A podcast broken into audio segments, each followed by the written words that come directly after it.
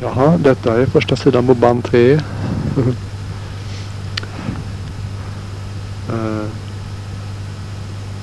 ja, det, det, är också så att säga ett mer konstruktivt eller positivt betraktelsesätt vore att säga att när man har fått lite smak för ett sinne i balans, den inre frid som ett sinne är kapabel till, uh, inte minst den inre frid som ren moralisk renlevnad ger upphov till så vill man inte förvirra, fördunkla sitt sinne med alkohol.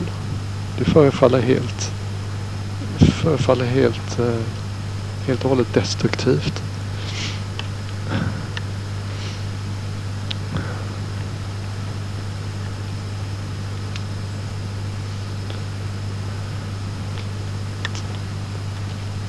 Så ja, då hann vi klart här hela dagen. Så då blir hon tio, halv elva. Kanske till och med elva ibland innan jag går och lägger mig.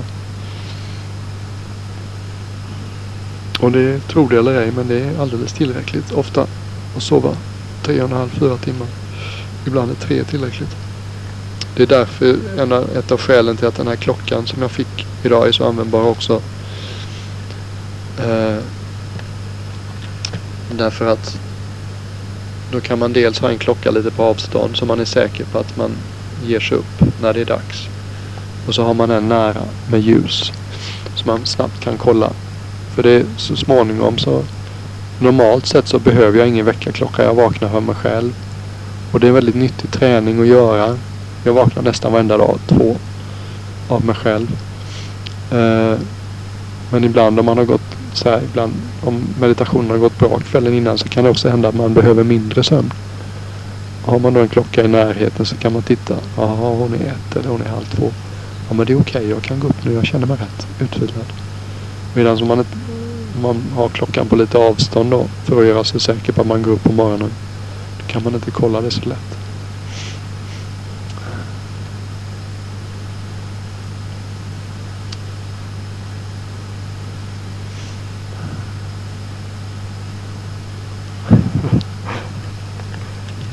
har jag också en sån här känsla av eh, förnöjsamhet med sin omgivning. Ett, en av de sakerna som man måste utveckla som munk det är förnöjsamhet i olika former. Inte för minst förnöjsamhet med sitt meditationsobjekt. Det är väldigt lätt att börja tro att jag måste byta meditationsobjekt. Det här meditationsobjektet är inget bra. Lägg ner det här med andningen, det funkar inte. Nu går jag över till att gå igenom kroppen. Eller det här med kroppen funkar inte. Jag måste ha något mer positivt. Nu går jag över till att reflektera över himmelska egenskaperna hos mig som kan leda till att jag kanske återföds i en himmelsfär i nästa liv. Eller någonting sånt. Eh, men se det är inte modellen utan det krävs mycket tålamod och oglamoröst hårt arbete. Precis som i alla andra former av framgång så, så måste man lägga ner grunderna för framgång först. Och, annan, och, när det känns meningsfullt så har man inte så mycket intresse av att göra någonting annat. Adunjai Sayan sa liksom att du kommer känna dig rätt. Ibland är det bra att ta en promenad bara. Liksom slappna av och se någonting nytt och få lite frisk luft i huvudet. Jag, går ingenstans. Det finns den där stigen som leder upp från min hydda och uppåt. Adunjai Sayan sa att det finns fina promenader. Gå upp och gå runt och se dig omkring. Jag har inte tagit två steg upp på den stigen en enda gång. En del lekmän som vill ta mig och besöka olika munkar i området och sådär. Nej, jag har ingen lust. Nu har jag chansen att få köra full gas på pedalen i mattan.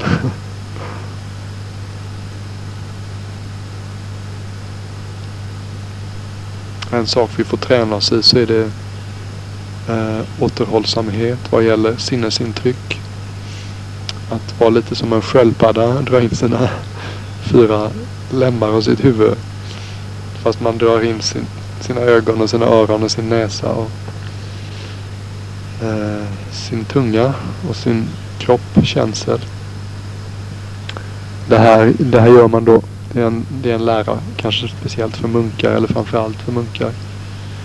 Och det gör man för att verkligen för att man ska hinna och processera alla sinnesintryck, allting som far genom huvudet på en.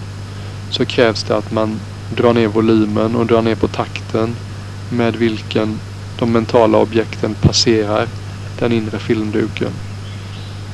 Det duger inte att stå på Sergels torg eh, och liksom bara se, se allting runt omkring sig. Det blir för mycket. Man hinner inte processerade. Och det är väldigt lätt i en skog eftersom det händer ju ingenting här. Det är liksom lite naturljud och naturintryck och naturlukter. Men det är ingenting som ger starka associationsband som, som drar i som drar i uppmärksamheten.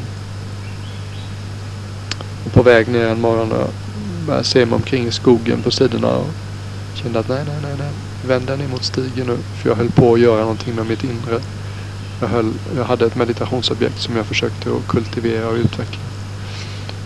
Nej, nej, nej, nej. släpp tag om det där nu. Du behöver inte, behöver inte se dig omkring så himla mycket. Så framstod det väldigt klart för mig. Hur många bergstoppar har jag stått och sett utsikten ifrån? Hur många vackra dalgångar har jag sett? Hur många vackra soluppgångar har jag sett? Hur många solnedgångar har jag fått betrakta i mitt liv? Och vad har det gett mig? Nu är det bara minnen. Det är inget mer. Det är ingenting att lita på eller luta sig mot när åskan går alls. Men om jag kan utveckla ett inre tålamod och mjukhet och skärpa och sund glädje. Då är det någonting att luta sig mot när åskan går. Det är någonting som man kan ta fram och använda när man får blodcancer eller en nära anhörig blir överkörd av ett tåg eller tredje världskriget bryter ut eller ja, men sådana saker händer. Vi vill gärna glömma bort att de händer. Vadjan Suchito skriver i den här boken.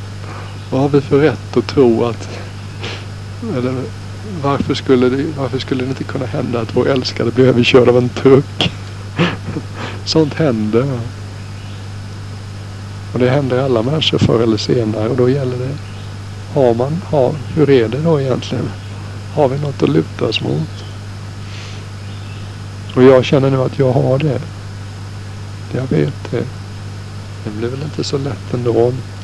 Ponera att mamma och pappa till exempel går bort före mig. Det blir säkert traumatiskt men jag är redo. Jag har tränat mig själv.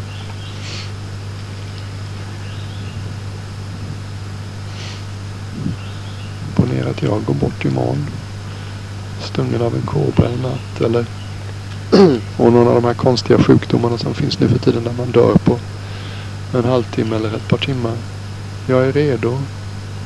Det kanske inte blir så glamoröst eller hjältemodigt alltid men jag, ja, den, den, den möjligheten den lever jag med dagligen. Ajahn Chah, han kunde ofta när han ville vara dramatisk och någon kom till Wapapong så kunde Have you come here to die? Why have you come to what? No, Babong. Have you come here to die? På något sätt. Man dör. Dör för synintryck. Dör för hörselintryck. Dör för lukt, känsel, smakintryck. Dör för den här ständiga tragi, tragikomedin av av känslor och tankar och idéer och planer och minnen och sorger som passerar i ens inre. Det finns någonting mycket mer än så. Grisar och hundar är nöjda med god mat och bekväma omständigheter. Människan är ämnad för något mycket, mycket finare. Vi har kapaciteten till full och oåterkallelig upplysning. Att aldrig någonsin mer behöva umgås med själviska tankar.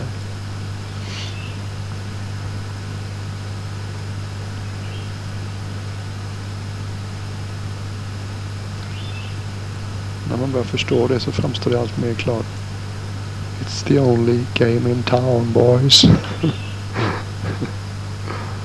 det är den enda, det är den enda karusellen värd att sitta på. den enda Den där tombolan värd att delta i. Och du ska försöka anpassa det till svenska jul, julförhållanden. Den enda klubben värd att vara medlem i. Enda tävlingen värd att delta i. Enda sporten värd att träna. Enda resan värd att göra. Enda måltiden värd att äta.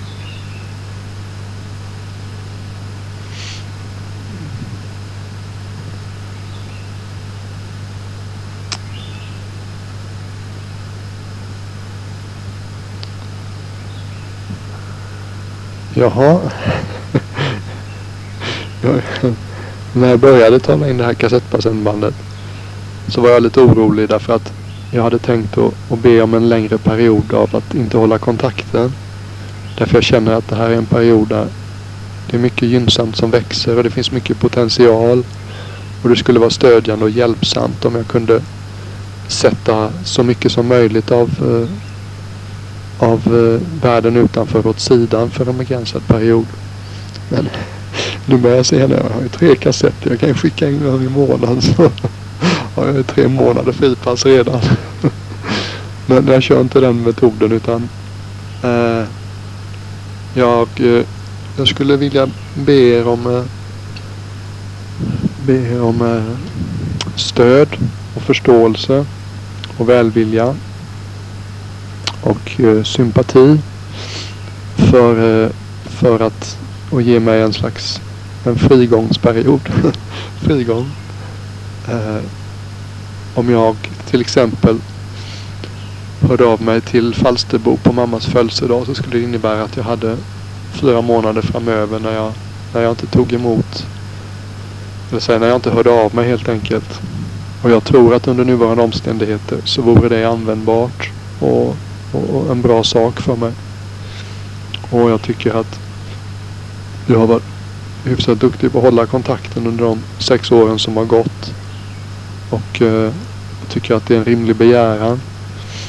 Är det någon som känner väldigt starkt att eh, det skulle bryta och krossa era hjärtan så hör av er. Men om ni tror att ni kan överleva det, vilket jag misstänker att ni gör rätt så ledigt. Så, eh, så, så skulle jag vara mycket tacksam för det.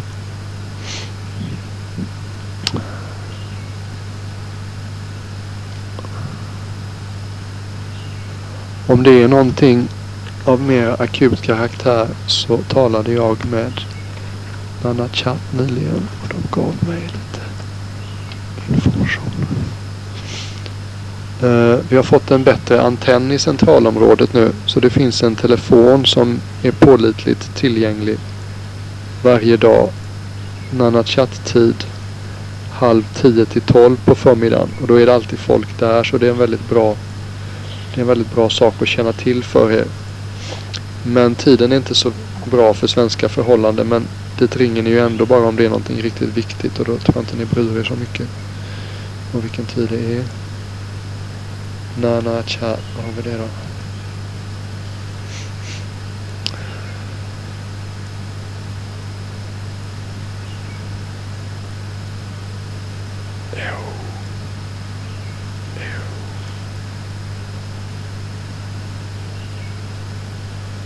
blåstenen.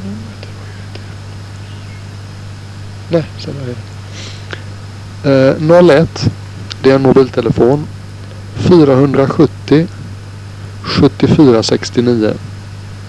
Jag repeterar, vilket är fullständigt onödigt på ett kassettband, men jag har aldrig varit en speciellt ändamålsenlig person. Så 01 470 74 69. Okej, okay, och det, det ska vara pålitligt då 9.30 till 12 på förmiddagarna Nana Chat-tid. Vilket svensk vintertid är halv fyra till sex på morgonen. Och svensk sommartid är halv fem till sju på morgonen. Och då kan de sen, eh, det är rätt passande att ni ringer så tidigt. För då kan de ringa upp oss och så kan jag få reda på när jag går allmoserundan klockan sju. Så kan jag få reda på att, nej det kan jag inte för det är svensk tid.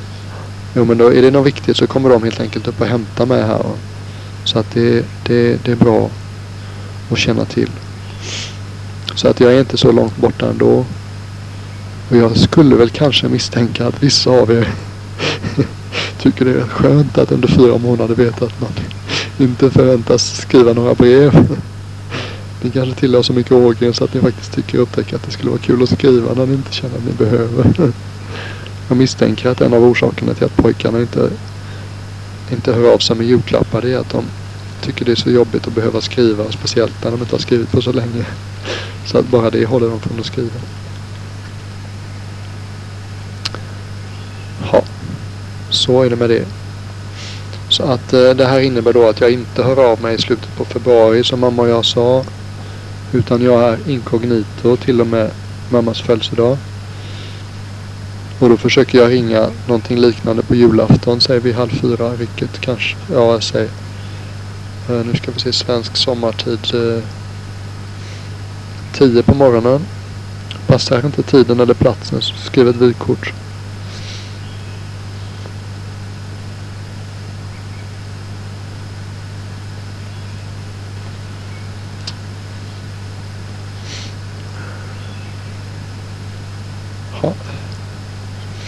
Det var kanske det mesta av det jag hade att behandla idag. Ja, så det är väl då ett skäl. Nu har ni ju lite att lyssna på här. Och det ger en hyfsad bild av vad jag pysslar med både på utsidan och på insidan. Och om pappa lyssnar på det så vet jag inte om det gör det lättare för dig att svara på frågan vad gör han egentligen där, där nere.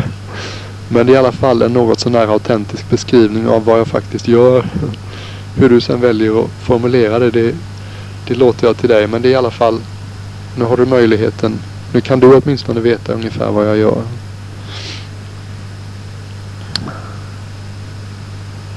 Och eh, vad gäller moral så en sak som är värd att tänka på som ofta understryks av både kontemporära och eh, hädangångna lärare så är det att det, det är förhållandevis lätt att göra gott men att undvika, undlåta, låta bli att göra ont, det är viktigare och svårare.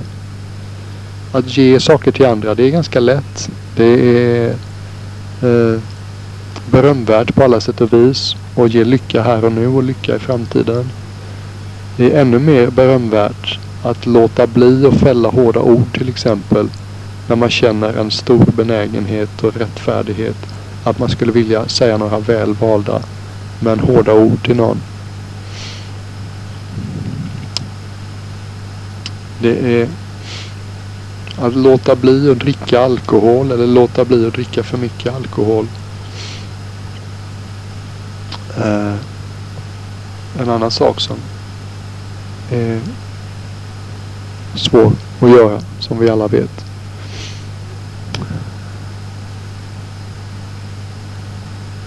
Det är ganska bra, ett, en ganska bra paradigm att ha klart för sig. När man tänker på att göra gott och ibland kan man få en sån här scout scout, uh, eh, scoutkänsla. Vadå, vad är det? Vad vadå göra gott? Ska jag gå och leda gamla tanter över rödljuset hela dagen eller vad är det han menar? Men om man, om man tänker på det istället att, att låta bli att göra sånt som man vet är fel men som är väldigt svårt att låta bli låta bli att dra en vals eller en vit lögn. Eh, låta bli att behandla sin kropp illa genom att äta för mycket eller dricka för mycket.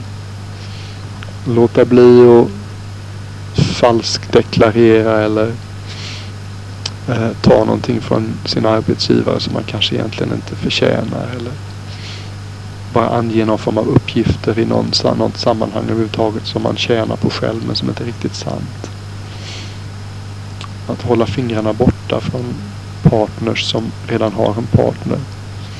Och att inte ställa till det för andra människor genom att flörta med deras partner överhuvudtaget. Och att låta bli att smacka ihjäl en mygga eller en myra eller Mamma, när du, när du skriver i ditt brev och undrar om jag får fiska i floden. Du får inte skriva sådana saker. Du måste veta jag säger med stolthet att min mamma är nog mer buddhist än vad hon är kristen till folk är. Du måste veta att alla former av liv är välsignade och heliga. Vi har inte rätten att ta något liv alls. Fiska kräftor må anses aldrig så oskyldigt. Fiske må anses aldrig så oskyldigt men det är kulturellt betingat ifrån vår i många avseenden ganska grova och eh, oförfinade kultur. Men eh, de långsiktiga effekterna av att ta andra varelsers liv. Nu hade jag inte mindre ont för en hund när man sparkar den än vad det gör för oss om vi får en spark. En älg är lika, är lika eh, är lika kär i sitt liv som vad vi är i vårat liv. En älg är lika ont i en älg kommer en kula in genom kroppen och blodet sprutar som det skulle göra om det hände oss. Det är ingen skillnad. Den är lika rädd för döden och lika mån om att få leva.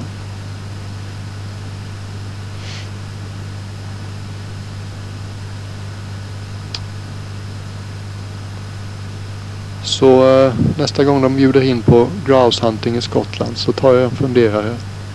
Eller älgjakt i Östergötland eller kräftfiske i Uppland eller vad det nu kan vara. vad det kan vara ni, ni råkar ut för. Och om ni gör det, tänk åtminstone hur skulle det kännas för mig om jag blir jagad av ett koppel hundar och en samling ryttare som sköt efter mig. Eller vad det nu är för sport. Det är väl inte så mycket rävjakt i ert liv.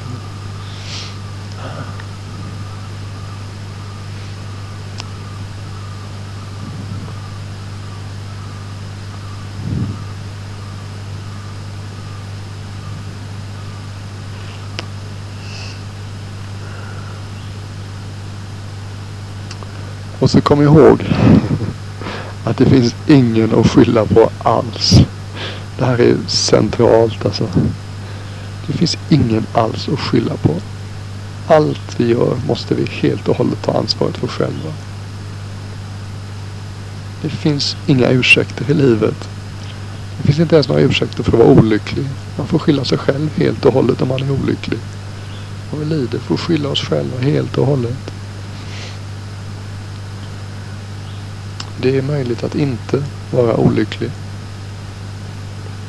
Tänk om ni, tänk om ni är deppiga nu. Hur vore det för Buddhan i den här situationen? Och bara påminnas om det att Buddhan skulle inte vara olycklig. En upplyst person har fortfarande fysiska eh, obehag, fysiskt obehag. Men han gör inget mentalt obehag av det. Och när man börjar lära sig slappna av i smärtfulla tillstånd så märker man att det mesta av det som vi upplever som smärta det är egentligen problemen som vi lägger till till den fysiska smärtan. Den fysiska smärtan är ganska okej okay egentligen. Men tanken på att jag grejar inte det här i fem minuter till. Jag klarar inte det här i två minuter till. Den tanken är verkligen plågsam. Det är den tanken som verkligen gör att vi lider. Men om vi bara observerar fysisk smärta. Det behöver inte vara något märkvärdigt. Småsaker. Slå tummen, slå hammaren i tummen. Bränna sig på påskelden. Vad det nu är för sorts smärtor ni har i era liv. Jag vet, jag vet inte riktigt vad man har för smärtor i livet om man, om man jobbar på McDonalds eller Björn Borg eller fixar datorer. Fixar datorer. Man kanske får en stöt ibland.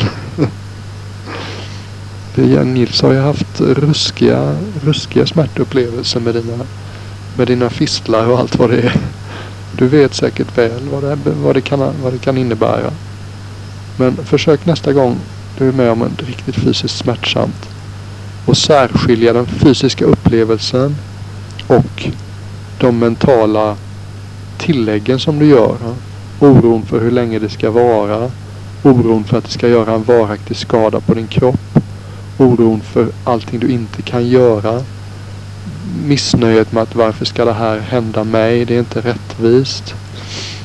Eh, sökandet efter former av glädje som kan på något sätt kompensera för smärtan. Och så vidare. Det är väl värt att undersöka smärta lite grann. Och som sagt, den fysiska smärtan som är kvar när vi har tagit bort alla onödiga tilläggen, de mentala tilläggen, den känner en buddha. Men, eller en upplyst person också för den delen. Jag menar Ajahn Chah, han han gick igenom otroliga smärtupplevelser. Han hade vattenansamlingar i hjärnan som tydligen är enormt smärtsamt. Han, han var inte speciellt tålmodig med att gå för mycket till läkare och sånt. Så att när läkarna påpekade att det är dags att dra ut några tänder så sa han man drar ut allihopa med en gång så slipper jag bekymra mig om det i framtiden. Och det var inte speciellt intelligent gjort för att det fick han ju svåra och tung smärta efteråt och tandläkarna vägrade göra det men han insisterade. Han hade malaria i tre år bland annat. Och i sådana lägen, vad är det som hjälper? Jo, tålamod. Man måste bara ha tålamod. Och tålamod, det, det är då inte alls speciellt eh, glamoriserat i väst idag. Inte ens i Thailand idag heller. Men det är en fantastiskt förädlande egenskap. En människa som har tålamod, alltså hela världen ligger för hennes fötter. Men en människa som inte har tålamod kan inte åstadkomma någonting av varaktigt värde alls. Och när ni, om ni är intresserade av att utveckla lite tålamod så börja notera vad ni lägger till en situation. Till exempel man bara, det kommer upp en, lust, en röst. Jag har inte lust. Jag, jag har ingen lust. Jag har ingen lust att sitta här i fem minuter till. Jaha. Ytterligare ett moln seglar förbi på den inre filmduken. Liksom. En röst som säger jag har inte ett lust. Den rösten är ovaraktig. Utan någon inre essens precis som allting annat. Ett par minuter senare så är det helt okej okay att sitta där. Men det är inget bekymmer alls. Det lilla molnet har seglat förbi.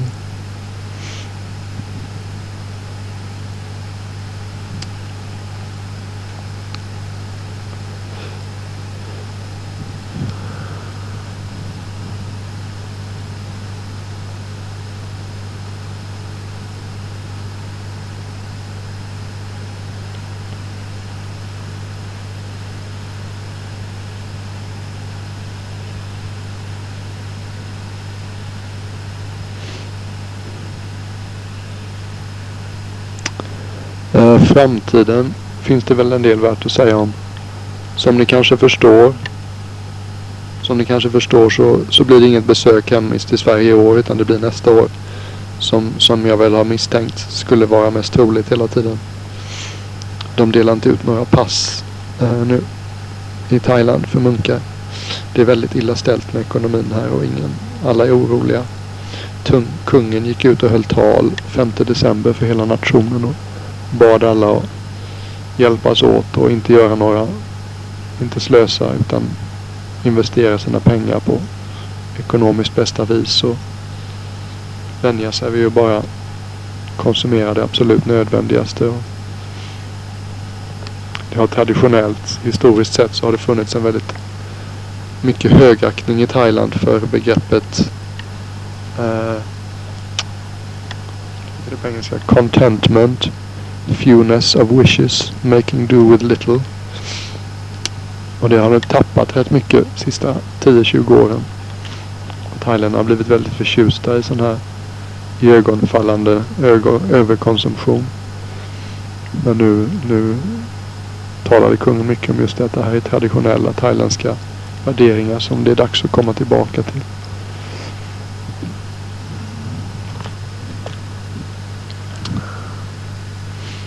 Så att det blir nästa sommar.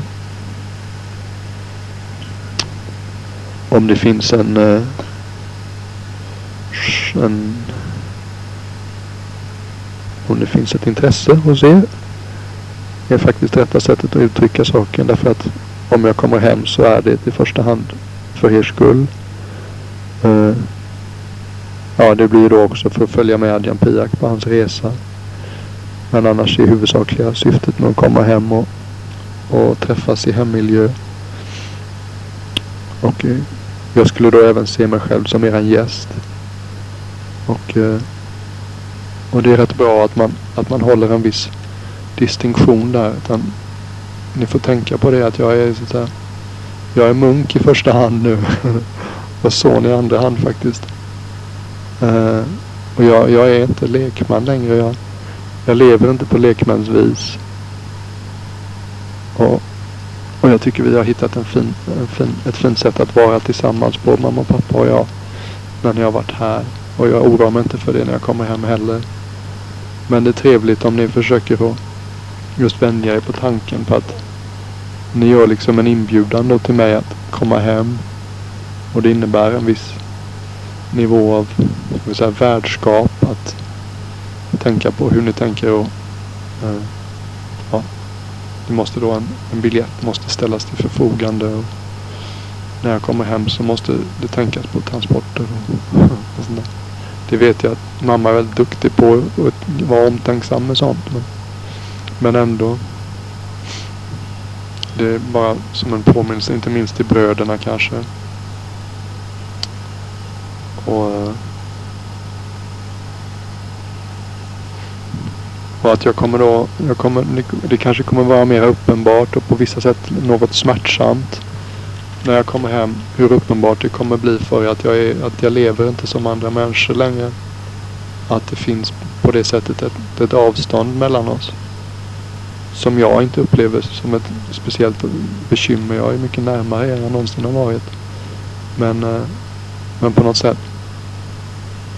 Jag tror att det, det är bra att bara påminna sig själv om det. Att han är inte riktigt som andra längre. Eller vår relation är väl rättare, rättare sagt något annorlunda än vanliga. Men